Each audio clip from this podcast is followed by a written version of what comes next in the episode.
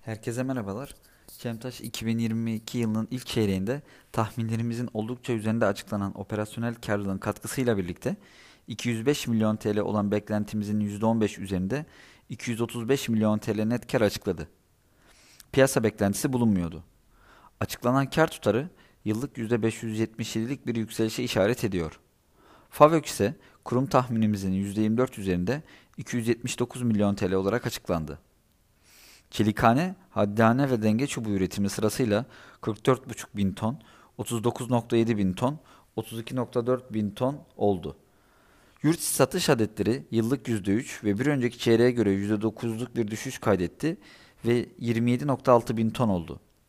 Yurt içi satış adetlerinin toplam satışlar içindeki payı ise %68 seviyesine geriledi. Yurt içi satışlardan 526 milyon TL brüt satış hasılatı kaydedildi. Öte yandan yurt dışı satış adetleri geçen senenin aynı dönemine göre yatay bir seyir izlemesine rağmen çeyreksel bazda %63'lük bir büyüme kaydetti ve 13 bin ton seviyesine yükseldi.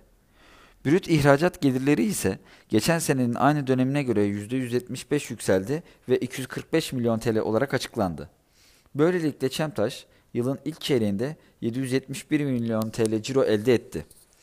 Şirketin brüt marjı bir önceki çeyreğe göre 200 puan yükselerek tarihinin en yüksek seviyesine %39.2 seviyesine ulaştı. Operasyonel giderler %3.9 gibi düşük sayılabilecek bir oranda kaldı ve Çemtaş yılın ilk çeyreğinde %36.2 FAVÖK marjı elde etti. Kurum beklentimiz %32.1 FAVÖK marjı açıklanması yönündeydi.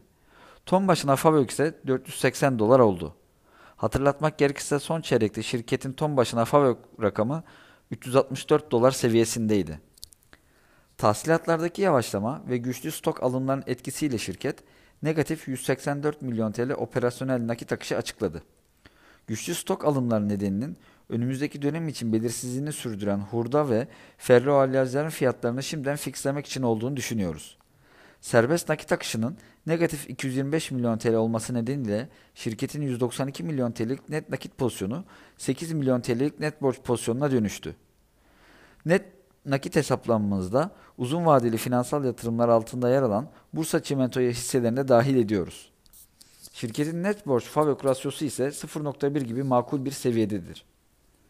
Çelik ve otomotiv sektöründe devam eden belirsizliklere rağmen Çemtaş'ın önerimizi endekse paralel getiriden endeks üstü getiri şeklinde revize ediyoruz. Makro tahminlerimiz ve Çemtaş nezdindeki 2022 varsayımlarımızda gerçekleştirdiğimiz revizyonlar neticesinde 21 lira olan hedef hisse fiyatımızı 31 lira 80 kuruş seviyesine yükseltiyoruz.